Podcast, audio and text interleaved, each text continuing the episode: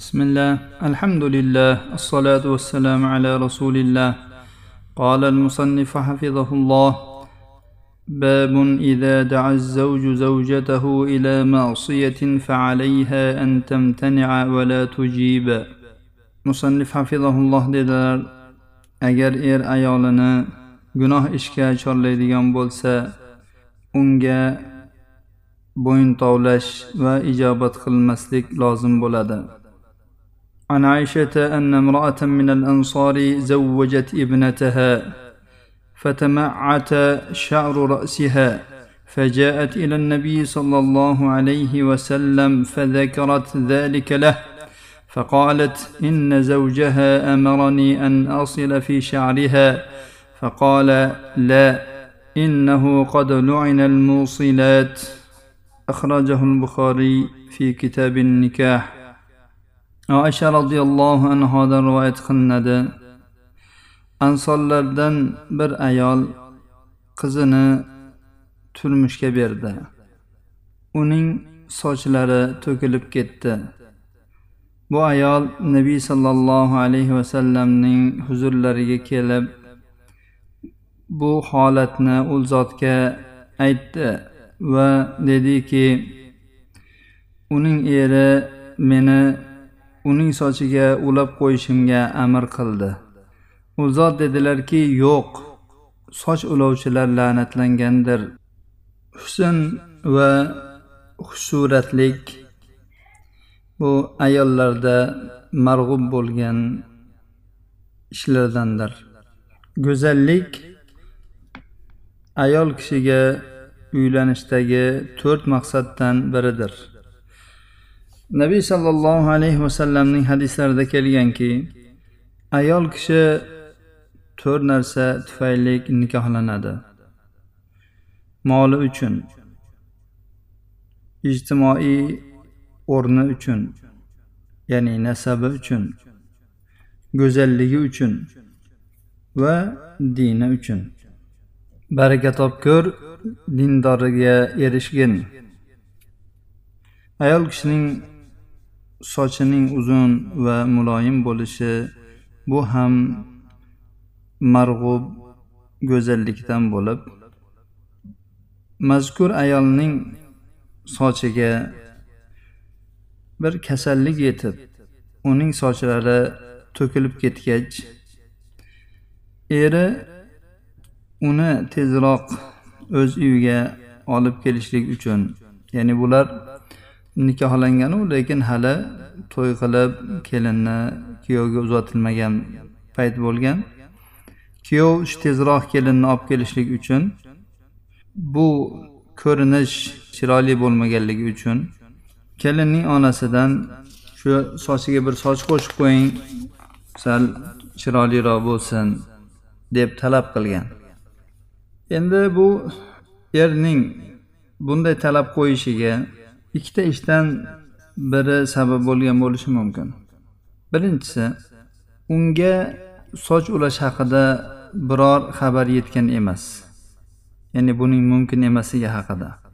Ikkinchisi unga bu xabar yetgan bo'lsada u bunday qilish kuyovga ko'rsatilayotgan qizga soch ulab uni aldashlik uchun bo'lsa bo'lmaydi. Lekin agar e, er buni bilib turgan bo'lsa erning o'zining ruxsati bilan bo'layotgan bo'lsa qilish joiz deb o'ylagan bo'lishi mumkin. Chunki bu kishi sahobiy. Sahobiy o'ziga bir rasululloh sollallohu alayhi vasallamdan nahiy yetib turib bu nahiyga osiylik qilib uning ziddini qilishi mumkin emas. Kelinning onasi ham bu ishni qilishdan harajlangan yo bu harajlanishiga sabab u ayol rasululloh sollallohu alayhi vasallamdan bu haqda avval eshitgan soch ulash mumkin emasligini yoki bu ishni qilishda shubhalangan ya'ni shu qilsa bo'ladigan ishmikin yoki yo'qmikin deb. Birinchi ehtimolda aytdikki u unga eshitgan masalan buning mumkin emasligini. Ho'p eshitgan bo'lsa nimaga endi bu kuyov bolaga bu haqda aytmadi? Ya'ni bu mumkin emas deb. U buni aytgan bo'lishi ham mumkin. Biroq uni kuyov haligi aytgan tavili bilan masalan bu erni ruxsati bilan bo'lsa bo'laveradi er buni bilayotgan bo'lsa joiz deb aytgan bo'lishi mumkin. Shunda endi bu ayol men bu ishdan bir ya'ni rasululloh sollallohu alayhi vasallamdan so'rab bir aniqlab aniqlik kiritib olaychi deb turib keyin rasululloh sollallohu alayhi vasallam huzurlariga borgan bu ayol. Shuning uchun ham u ayol borganda ya'ni men uni sochini ulab qo'yaveraymi demadi. Balki eri menga unga soch ulab qo'yishimga buyurdi deb aytdi.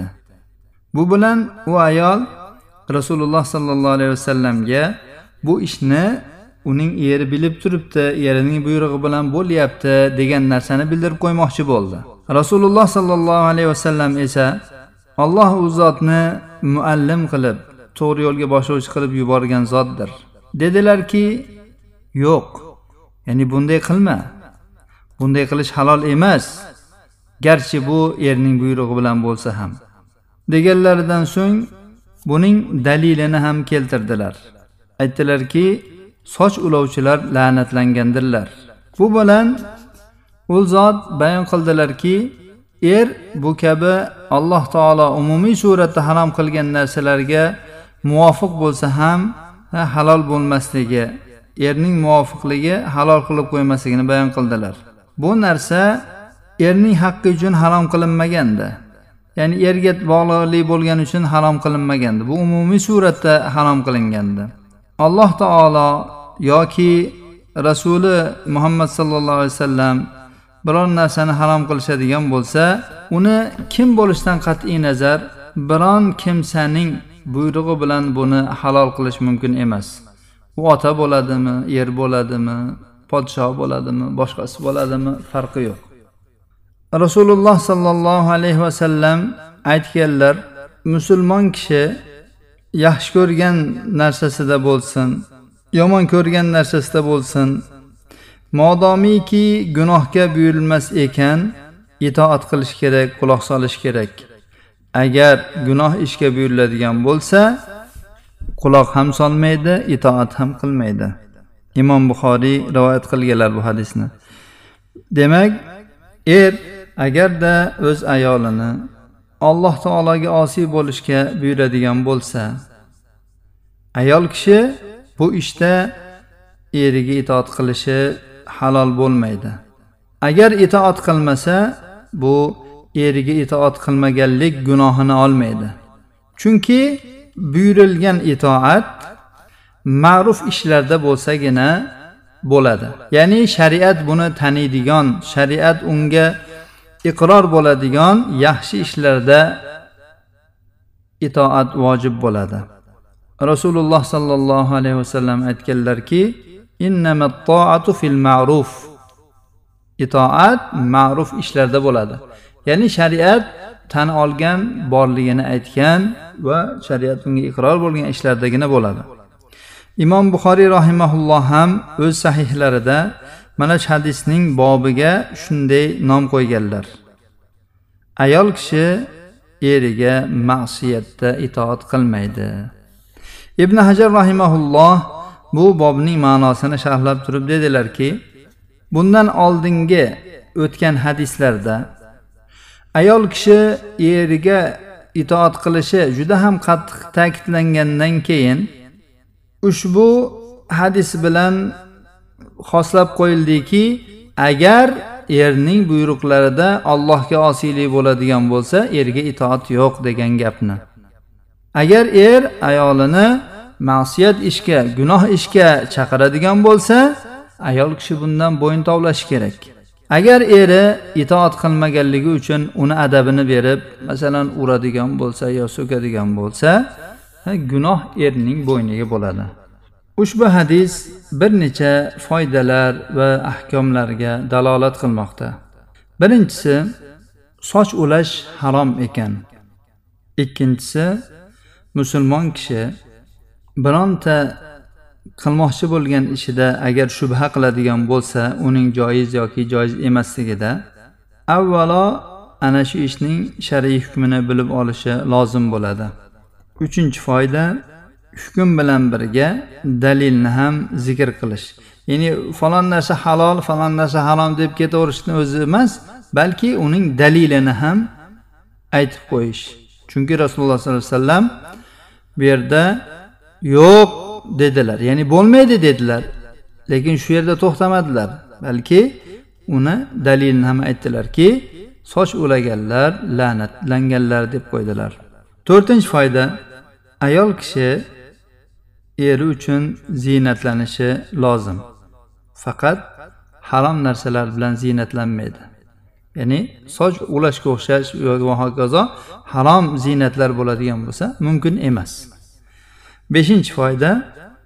Soch ulash faqat agar aldash uchun ko'zbo'yamachilik uchun bo'lsa mumkin emas degan odamga javob ya'ni yo'q bu noto'g'ri gap deb javob berish. Oltinchi foyda agar er bilib turgan holatda va erning izni bilan soch ulaydigan bo'lsa bu joiz degan odamga ham rad bor. Bu o'rgangan hadisimizda. Erning ruxsati bilan ham izni bilan ham mumkin emas. Yettinchi foyda ayol kishi hojati uchun va fatvo so'rash uchun chiqishi mumkin ekan.